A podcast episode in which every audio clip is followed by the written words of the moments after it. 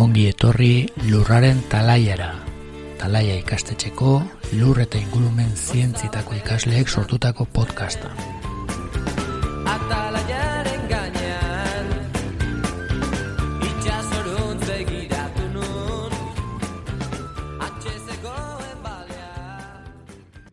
Kaixo, eta ongetorri podcastaren laugarren kapitulora. Gu, Uxu eta Maialen gara, eta gure atalean hiru aste hauetako hiru berriren inguruan hitz egingo dugu.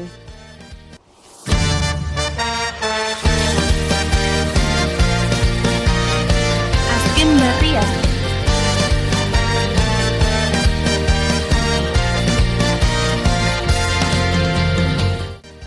Uxue, baldak izulurrak bere marrazuen eguneko irurogeita marra galdu duela azkeneko berrogeita mar urteetan? Ba begia, gure planetako marrazuen egoera kritikoa da. Naturen argitaratu berri den Global Shark Trends proiektek egindako azterlan baten arabera, gure ozeanoetako marrazuen eta araien kopurua eguneko irurogeita marra gehiago murriztu da, mila bederatzerun irurogeita marraz geroztik. Autorek diotenez, gehiagizko arrantza da biztaleriaren beherakada bizkor horren arazoi nagusia.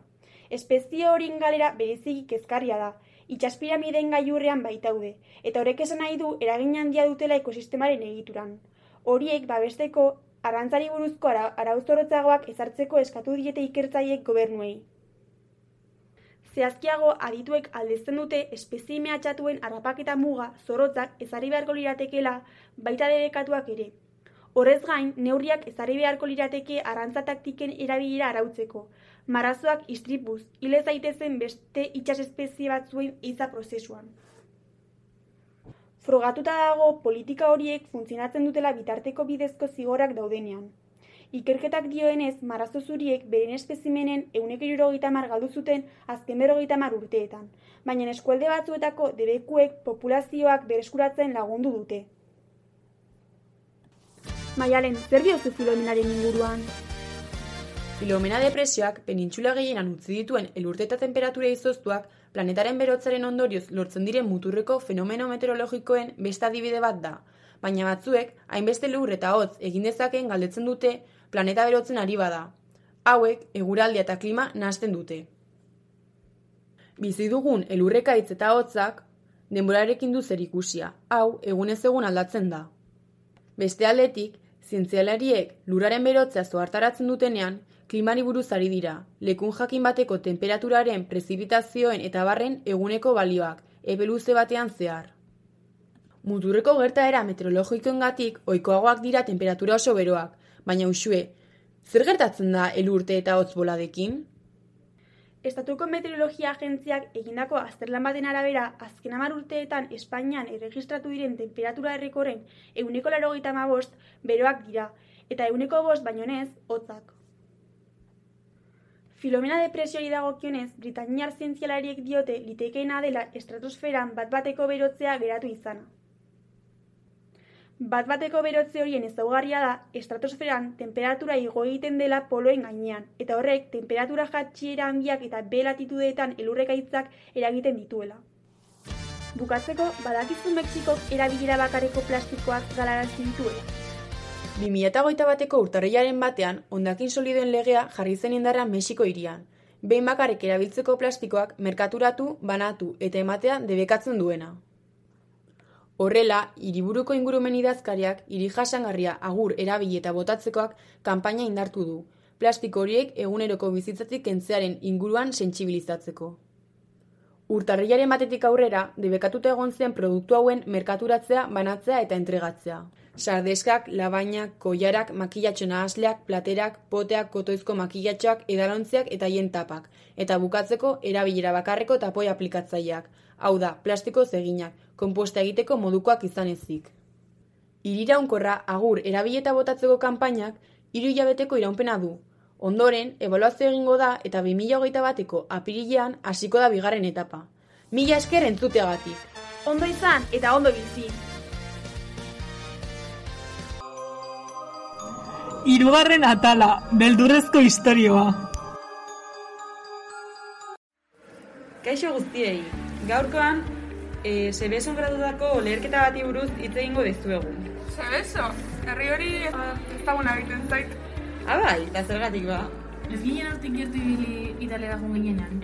Ah, bai, bai, izan daiteke, ze Milanetik gertu dago Zebeso herria. Baina hori aspaldi gertatu zen, ez? Bai, bai, hori orain dela urte asko gertatu zen. Gertatu zen, mila zireun da irurogeita maseiko ustaiaren amarean, beraz, Bai, guaz ginen ez da jaioa. Bai, eta gaina izan zen hogeigarren mendeko ondan mendirik okerenetarikoa. ostras, bai, okerenetarikoa. Bai, bai. Bai, bai, irutona sustantzia toksiko isu ziren, beraz. Eta zergatik gertatu zen istripu hau edo leherketa hau. Bueno, ba, istripuaren lehen arrazoia da erreaktoren kontrolik gabeko reakzio esoteriko bat gertatu zela, eta seguruanik egon zen, ba, e, aurreko arratsaldetik oztu gabe eta asaldurarik gabe utzi zutelako. Bai, joe, ba, o, gehiago, kontu edo gehiago eduki beharko lukete horrelako gauzekin, ez? Bai. Bai, horren ondoren Europar batasunak neuri gehiago hartu zituen olako enpresetan. Beharrezkoa izan beharko zen. Eta zein ondorio izan zituen horrelako...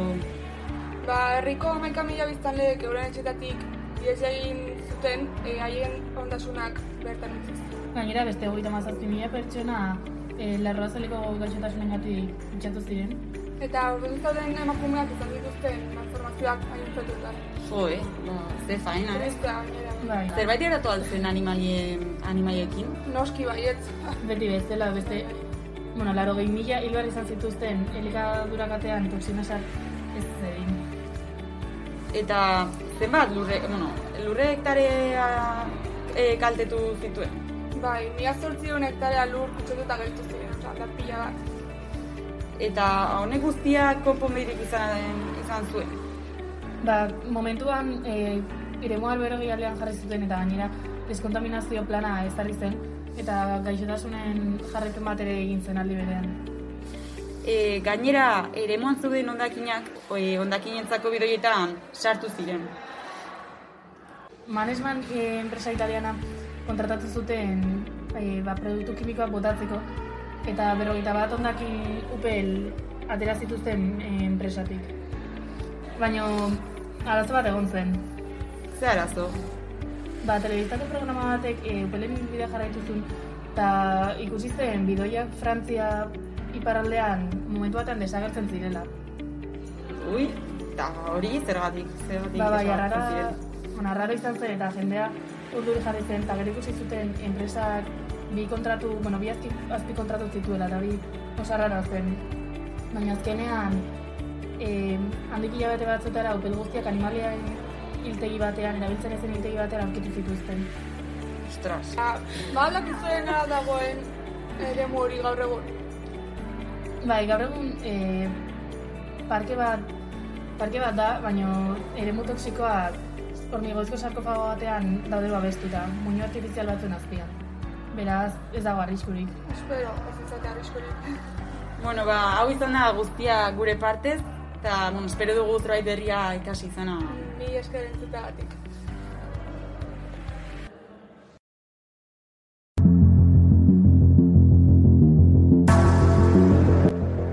Inbaditzaia.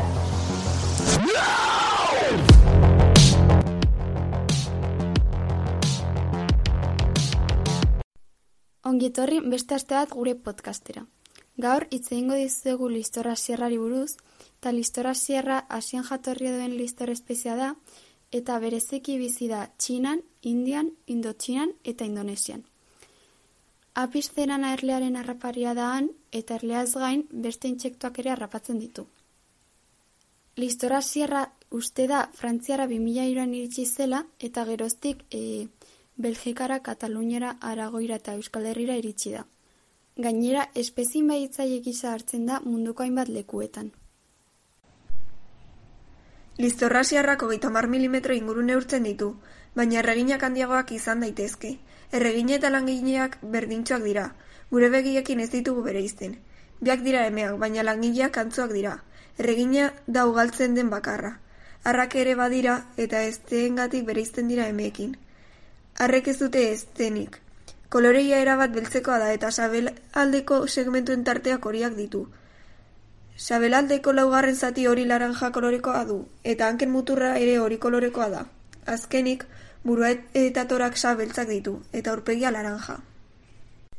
Erreginen langileen eta arren zereginak ulertzeko azalduko dizuegu bizi zikloa, eta banatzen da lau zatitan urtaroen arabera. Udaberrian, e, listor erreginak edo fundatzaileak e, eskutatuta egon diren tokitek ateratzen dira, eta bere lehenbiziko lana izaten da e, hasierako abia eraikitzea, eta erreginakoitzak egiten du abia bat bera bakarrik eta kolonia osatuko duten langileak jaiotzen dira bertan. Hasierako abia leku babestutan egiten du erreginak, adibidez txaboletan, teiaptupetan, soaizkatarten taurrela, eta txikia izaten da sager baten tamainakoa edo. Eta bertan ukitzen ditu gelaskak arrautza jartzeko. Erreginak lehen arrautza jarri eta egun gutxitara sortzen dira larbak, eta hilabete pasa ondoren lehenengo listor langilea jaiotzen dira, eta hortik aurrera taldean ditzen jarraitzen du erreginak. Ta fase honetan langileak jaiotzen dira bakarrik e, koloniak sortzeko beharrezkoak direlako, Langilek elikagaiak bilatu eta abia babesten dute, eta egun bat listor direnean hasierako abia utzi eta bigarren abia sortzen dute, eta hori esaten da e, ekaina hasieran. Gehienetan bigarren abia beste toki batean egiten dute. Toki altu eta seguruan, zuaitzen goiko adarretan. Adibidez, hasieran futboleko baloi baten tamaina izaten du, baina uda bukatzerako metro bateko altuera izan dezake. Lizor langileek eraikitzen dute egun gutxi batzuetan, eta ondoren, kolonia guztia, erregina barne, abiedo abaraska horretara joaten da. Udan neurriz eta populazio handitzen da. Fase horretan, listorre janari asko behar izaten dute, eta erleen erlauntzei eraso egiten hasten dira. Horrela, uda maieran eta udazken hasieran punturi gorena egoten da. Abia heldua da, jada, 2000 listor heldu eta 6000 arrautza eta larba inguru egon daitezke bertan. Abialtasunera iristean e, gertatzen da erregina berrien eta liztorraren jaiotza, eta hori izaten da kolonia fundatu duen erreginaren azken lana e, hil aurretik. Eta lehenik e, sortzen ditu harrak eta ondoren emeak hauek izango direla erregina berriak. E, horretarako gordeta duen esperma erabiltzen du e, ogulak ernaltzeko, eta fase honetan ez du listor langilerek sortzen bere helburua e, koloniak irautea delako, eta abia bakoitzetik berreun bosteun erregina berri sortzen dira. Erregina berriak etorkizunean erregina fundatzai izateko elkartu dira harrekin, horrela espermabiltegia betetzeko, prozesu hori iraietik abendura gertatzen da, eta harrak beren zer egina betondoren egiten dira, eta berdinak gertatzen da erregina fundatzaiarekin, eta e, urritik aurrera agertzen dira harrak eta erreginak. Negoazi baino lehen eta abia utzi aurretik erregina berriek alduten guztia jaten dute, negoa pasatzeko erreserbak izateko. Langileak jada nekatuta daude, eta janari aurkitzea zai egiten zaie. Horregatik, poliki-poliki hile egiten dira, eta abia utzi geratzen da. Abia uzten duten azkenekoak erregina fundatzaileak dira. Negoa talde txikitan edo bakarrik pasatzen dute. Zulotxetan, horbel artean, utzi geratu den abia ez dute berriz erabiltzen. Negualotan pasa ondoren, udaberrian berriz ere erre, erregina fundatzaile bakoitzak kolonia berri bat sortuko du. 2000 amarretik, espezionek, e, listor asiatikoak, e, kantauriko kostaldean kalte handia eragiten ari da, erlezainak izan ziren lehenengoak ohartzen e, listorra iritsi zela, eta beraiek ondoriak jasan zituzte lehenengoak izan ziren. Baina denbora pasal ala, e, kaltea kolektibo gehiagotara zabaldu da. Listorrak eragiten dituen kalteak hauek dira e, eta lau taletan sailkatu ditzazkegu.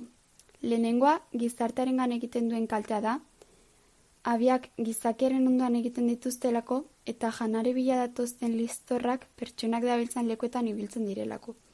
Adibidez, emerkatutan, terrazetan eta ondartzetan. Eta gainera, listorren ziztadek alergia eragin dezakete. Nekazaritzan ere kalteak ekarri ditu, frutak oskatu eta ondatu egiten dituztelako. Beraz, frutabiltzaientzako ziztadak jasotzeko arriskoa ere handitzen da. Eta administrazioak gasto asko egin behar izan ditu plagau kontrolatzeko. Ingurumenari dagokionez, predatzaile handia denez, xomorre espezie asko arriskon daude, tximeletak, erleak, armiarmak, eta bere moduko beste insektuen Konpetitzaia denez, kalte eragingo die eta polinizatzaien gaineko eragina kaltegarria da. Azkenik, erlezantzan dituzten kalteak hauek dira.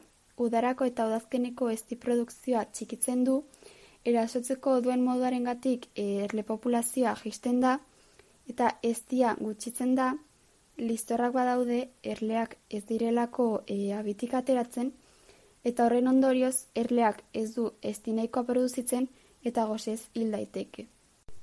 Bueno, mila esker entzuteagatik, espero dugu sekzio hau gustatu izana, eta laizter arte.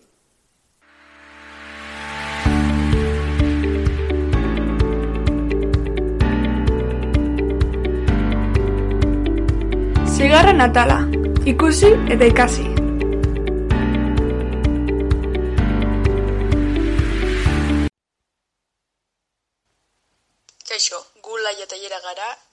Gaur lahora 11 dokumentalari buruz hitz egingo dizuegu.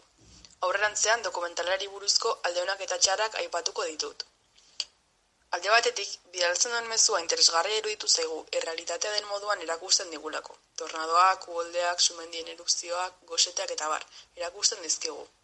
Bestalde batetik, bertako zientifikoek ikerketa desberdinak eginez, ondorio berdinetara iritsi direla azaltzen digu, eta honek demostratzen digu aldaketa klimatikoa existitzen dela. Hau azaltzea berrezkoa iruditu zaigu, dokumentalan zientzialari batek esaten duelako badagola jendea ez duena honetan sinisten, eta hauek argi esaten dute baietz. Ikerlarien zintzotasuna eskertzen da, benetako errealitatea islatzen duelako.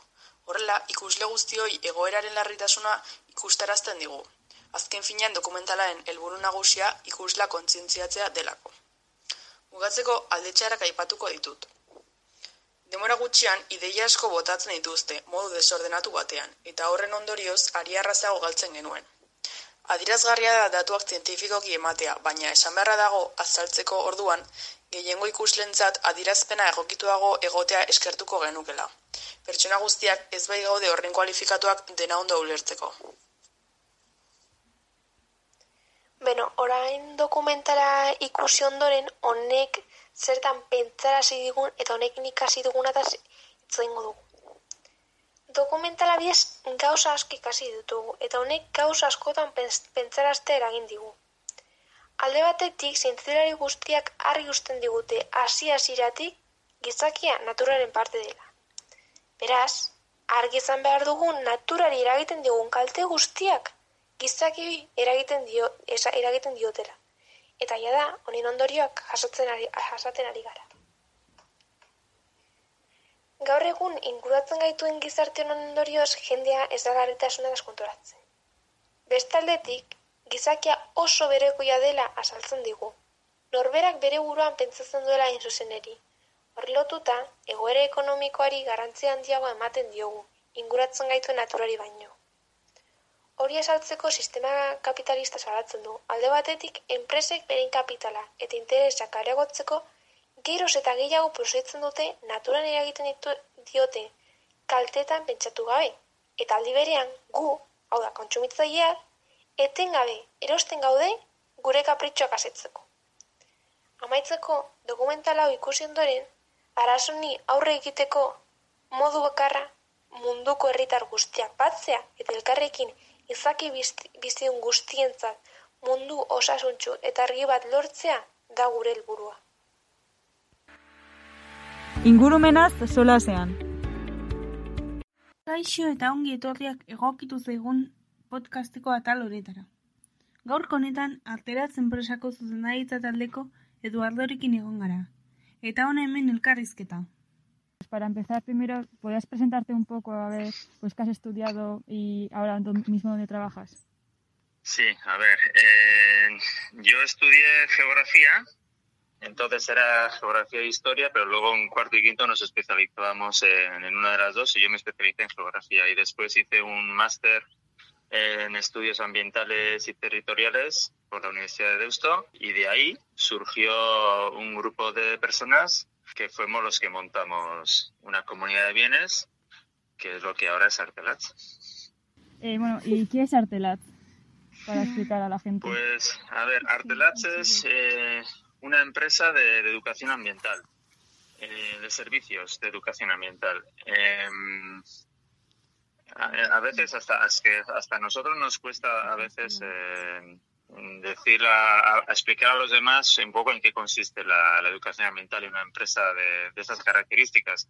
Y todavía, todavía hoy, bueno, pero hace uno, hace 30 años que fue cuando empezamos, eh, yo me acuerdo que me, me costaba horrores eh, contar a mis padres a qué me, me estaba empezando a dedicar. Y, y no solo no solo a mis padres, eh, incluso a, nos- a- a propios clientes, porque ya empezamos a trabajar con centros escolares. eh, para el profesorado era como, sí, los que vienen a sacar a los niños al monte. Era una cosa así. Entonces, a ver, yo diría que Artelats es una empresa, una empresa de servicios de educación ambiental en cuyo, cuyo objetivo es eh, eh, preparar en la medida de lo posible a la, a la población en general para concienciarse sobre los problemas ambientales que hay en, a su alrededor eh, y ser conscientes eh, de cómo pueden influir en esos problemas para bueno para ir a mejor a resolverlos en el mejor de los casos pero bueno en la mayoría de los casos pues para contribuir a, a mejorar. Yo lo calificaría de esa manera. ¿Y qué es lo que más te gusta de tu trabajo? Bueno, lo que más eh, me gusta es eh, cuando tenemos un reto para, pues para hacer, al final es innovar, o sea, en crear cosas nuevas que luego pues al cliente le gusten y hayan funcionado bien entre, entre nuestros destinatarios, que normalmente es la población en general o, o, lo- o escolares, pues al final la satisfacción que te produce eso, es decir, "Jo, eso lo hemos creado nosotros y ha funcionado bien. Entonces, a mí lo, lo que más me gusta es eso, eso es, es- esos retos y luego, pues bueno, si te sale bien la satisfacción que, que te produce. ¿Y, ¿Y lo que menos te gusta? Bueno, lo que menos me gusta de mi trabajo, yo diría que es eh, tener que justificarnos muchas veces. A pesar de, de que han pasado ya 30 años desde que empezamos, nosotros cuando empezamos en Guipúzcoa no había ni una sola empresa de educación ambiental. Eh, existía solamente la Escuela de la Naturaleza de, de Pagüeta, que existe todavía actualmente, que es un parque de, eh, natural de, de Diputación. Y solamente existía aquello, se, se llamaba, bueno, eh, Parque de la Naturaleza, entonces eh, lo- los primeros programas de educación ambiental se hacían pues asistiendo a ese equipamiento y allí pues se hacían itinerarios por el monte. y, bueno, lo que había en Guipúzcoa en ese momento era solamente eso. Entonces, a pesar de que han pasado 30 años de entonces, todavía hoy en día a muchos de nuestros clientes tenemos que reivindicarnos un poco delante de ellos y explicarles pues lo, lo importante que es la, la educación ambiental y eso es un poco lo que lo que llevamos porque eh, eso tiene una repercusión muy importante en nuestro trabajo, sobre todo en, en las tarifas que aplicas, ¿no? Eh, el que seas un profesional de esto, pues es todavía algo algo que no es muy muy habitual. Entonces, pues eh, se puede ver como normal, pues que, que en un taller de coches te cobren 60, 70 euros la hora o que el, el propio servicio de informática que viene a nuestra oficina te cobre el doble de, de tu tarifa, pero en cambio no se, no se ve ¿no? Que, que, que tu tarifa, que es la misma que la que te puede comprar una empresa, cobrar una empresa de limpieza, por ejemplo, eh, esté justificada. Entonces tienes que estar siempre peleando para justificar eso, para demostrar que, que tu trabajo es importante, para reivindicarte de alguna manera. Y eso que, bueno, pues que ahora los tiempos ya van, van cambiando, van evolucionando y ya hay un sector de la población y de técnicos que lo comprenden, ¿no? Pero todavía no están así. Y ya te digo, eso tiene una, una repercusión importante porque eh, no te siente, no, no, no, no, valoran lo que es la educación ambiental, entonces pues al final hay intrusismo laboral, eh, bueno, eso es un poco la parte más negativa. Eh, hemos estado viendo que Artelats está metida en múltiples proyectos como integrar las energías renovables mediante talleres y exposiciones, eh, mercados de bicicletas. Eh, Querríamos saber cómo se os ocurren esas ideas. Bueno, eh, hay, a ver, si, tú cuando, cuando estás en una, en una empresa de cualquier tipo, tienes la cabeza siempre activa y despierta y preparada de alguna manera. Entonces, al final te empapas de, de lo que ves a tu alrededor, de lo que oyes en la radio o ves en la calle o, o en la tele y como tienes la cabeza siempre activa, pues sin darte cuenta porque va contigo, pues eh, muchas de las ideas eh, que luego se desarrollan eh, surgen de esa manera. Otras veces, cuando ya hay un encargo concreto, pues nos solemos juntar pues, las diferentes, los diferentes miembros de Artelats y en una mesa pues empezamos la típica sesión de, de tormento de ideas, ¿no? Y, y vas, eh, vas diciendo todo lo que se te ocurre, muchas veces son burradas o tonterías, pero que eso te lleva a otra cosa y al final se, se termina siempre proponiendo alguna, alguna idea o listado que más he comentado, pues bueno, son cosas eh, bastante habituales. Eh, talleres de energía, yo que sé, mercados de segunda mano, tanto de, pro- de productos de- en general como de bicicletas, pues para eso no hace falta tener mucha creatividad. Para otras cosas de las que joder, sí que nos sentimos orgullosos, pues porque que son cosas nuevas, pues eh, eh, pues bueno, pues eso sí que sí que cuesta un poquito más, pero pero bueno, se termina termina surgiendo ya te digo, muchas veces conduciendo o en la ducha o dándote un paseo por ahí, de repente te, se te enciende una idea y te digo, bueno, pues ¿por qué no intentamos hacer esto? Y, y a veces de la forma más tonta se te ocurren esas, esas, esas cosas. Mm. Bueno, también, como has dicho antes, colaboras con colegios y así. Por ejemplo, en la Sí. Agenda 2030. Bueno, ¿hacéis Sí. actividades con niños y adolescentes aparte de eso?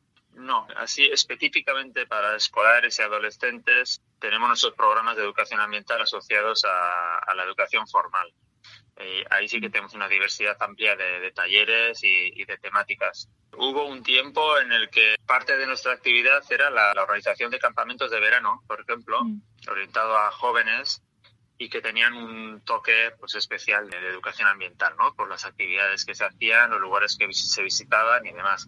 Pero aquella parte de nuestro trabajo, bueno, lo dejamos ya hace un tiempo y ahora lo que es trabajar con, con gente joven, con niños, niñas, lo hacemos eh, casi siempre por centros escolares. Aunque también en, en las campañas que se dirigen a la población en general, pues participan como parte de la, de la sociedad. Pero específico para, para, esas, eh, para esas edades, así, fuera del ámbito escolar, no, no, no, no, no, no hacemos, ahora mismo no tenemos nada. Bueno, hemos visto que antes de Navidades hicisteis un escape hall sobre los objetivos del desarrollo sostenible en Chingudi y nos ha parecido muy buena alternativa para educar y pasar un buen rato. A día de hoy se puede seguir yendo Bueno, pues sí, ese es un, ese es un ejemplo de, de lo que os decía antes de, de creatividad, ¿no? Decir, bueno, a ver, nosotros no hemos inventado los escape halls, ni los escape rooms, ni, ni nada, pero siempre pensando en cómo adecuar las cosas que te rodean a tu, a tu mundo laboral, pues una de las ocurrencias pues fue esa, ¿no? oye, ¿por qué no eh, hacemos un escape room, que era la primera idea, vinculada a los, a los ODS y, trabajar ese tema de una manera divertida?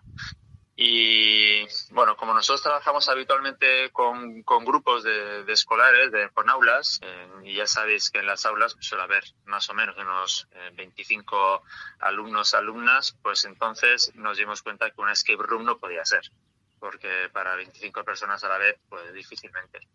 Y entonces vimos que hay, hay una variante que son las, eh, las escape hall, que consiste en meter esas 25 personas en una sola en un solo espacio y en ese espacio se encuentran ahí unas cajas que son las que hacen la función de los retos ¿no? que tienes que ir superando para para conseguir el objetivo final que es ver saber qué es lo que hay al final de la caja escondido ¿no?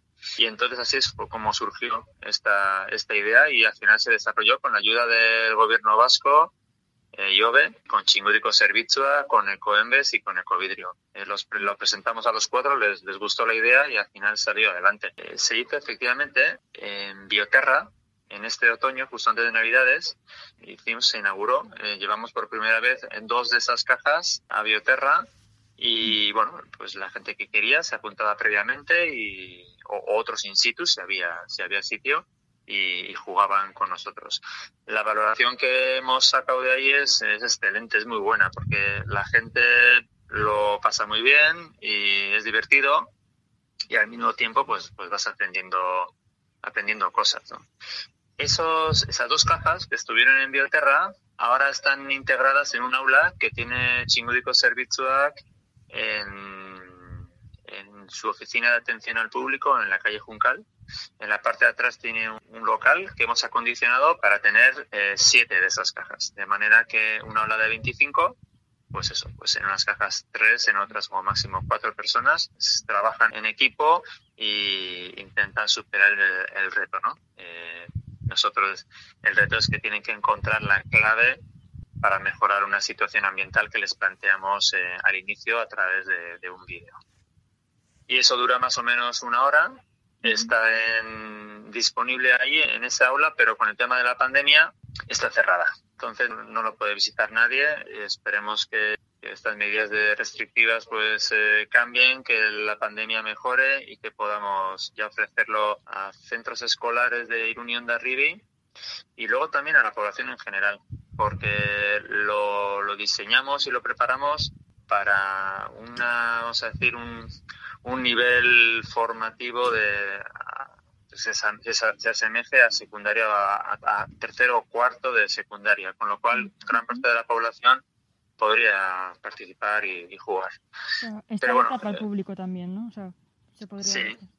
eso es, en horarios pues incluso de fin de semana o a las tardes. Eh, la idea es eh, abrirle la sala, que la gente se apunte previamente y dinamizarlo que, para, al final para formar a la gente en los ODS. Eh, ¿Tenéis algún actual o futuro proyecto en el que nos, eh, nos animes a participar? En concreto nada, nada en concreto. O sea, si este, lo que hablamos de hablar del escape hall, pues sí, pues es una de las cosas que como todavía no se ha, no se ha abierto, pues va a ser nuevo el día que, se abra y, sí que os invitaría a que fuerais porque vais a pasar un rato entretenido y creo que a través de, del juego creo que se comprende bastante bien eh, qué son los objetivos, los ODS, los objetivos de desarrollo sostenible, que cada vez están más en boca de todo el mundo, de medios de comunicación, de partidos políticos, bueno, de la sociedad en general y creemos que el juego sirve para eso, para conseguir ese objetivo, así que sí que os animaría a participar cuando esto, cuando esté disponible con vuestros amigos, con compañeros de, de, clase, como centro educativo. Sí, aparte, pues no tenemos así una cosa en concreto para decir, bueno, animaros a hacer esto, no. En general, todas las actividades que se hacen de, de educación ambiental, por ejemplo, los mercados de segunda mano que organiza eh, Chingudiko Servizioak en Irunion de Arribi, donde se pueden llevar los objetos de segunda mano para que no se conviertan en residuos y tengan una, una vida más larga, pues sí, pues por ejemplo se animaría que participarais también ahí, ¿no? Tanto como compradores como, como vendedores. Y, y, en general en, en, otras actividades que vais a tener a disposición no solamente de Chingudiko Servizioak, sino de, de otras entidades. Bueno, pues esto ha sido todo. Gracias por todo, en serio.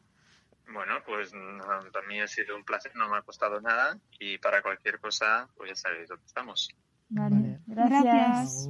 Eh, eso regatik agur ondo segi.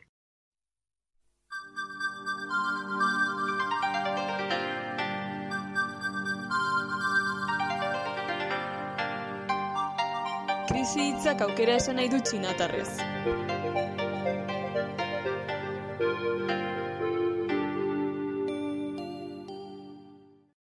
E, kaixo, gu ara itz nahiara eta Claudia gara. Covid emerezia dela eta normaltasun berria edukiko dugu aurte 2008 batean. Koronavirusak hainbat alorretan zailtasunak eragin ditu, badibidez, ezkuntzan, ekonomian eta bar. Hala ere, COVID-ak e, hobekuntza ikaragarriak eragin ditu klimaldaketari begiratuta. Aurreko podcastetan gure lagunek esan zeuten bezala, mugikortasun eta kontsumo materialaren murrizketak zeobiaren kontsuma murriztu ere bai, zuzenki edo zeharka izan. Baina hau ez da hobekuntza bakarra izan. Hermano Traverso, energia berriztagarrien inguruan lan egiten duen gizon baten arabera, Europako iparraldeko herrialdeek krisaren eraginak txikitu zituzten energia berriztagarrien erabilera zabalari esker. Izan ere, energia berriztagarriak erabiltzen ez, ez dituzten herrialdeek gehiago sufritu zuten konfinamenduaren kontuarekin. E, ez bai zuten petrolea saldu, eta horregatik energia kontsuma murriztera behartuta egon zirelako. E, traversok dioen moduan, orain konturatu gara energia berriztagaren erabilerak ez diola bakarrik ingurumenari favorea egiten, baizik eta ekonomiari ere. Eta bere hitzetan, post-covid munduko formula energetikoa hidrogenoa gehi energia eorikoa izango da, formula garbia eta eraginkorra. Klaudiak esan duen bezala, ba, orain denbora gehiago igarotzen dugu etxean, Eta horregatik, ideia bikaina izango litzateke zuen etxetan eguzki plakak instalatzea. Garestea iruditu arren, bere prezioa pixkanaka ba, txikitzen ari da, eta gaur egun 2006ko baino behatzi aldiz merkeagoa da. Bestela, konpainia batzuei zure energia iturri berriztagarri batetik etortzen duzula eskatu dezakezu.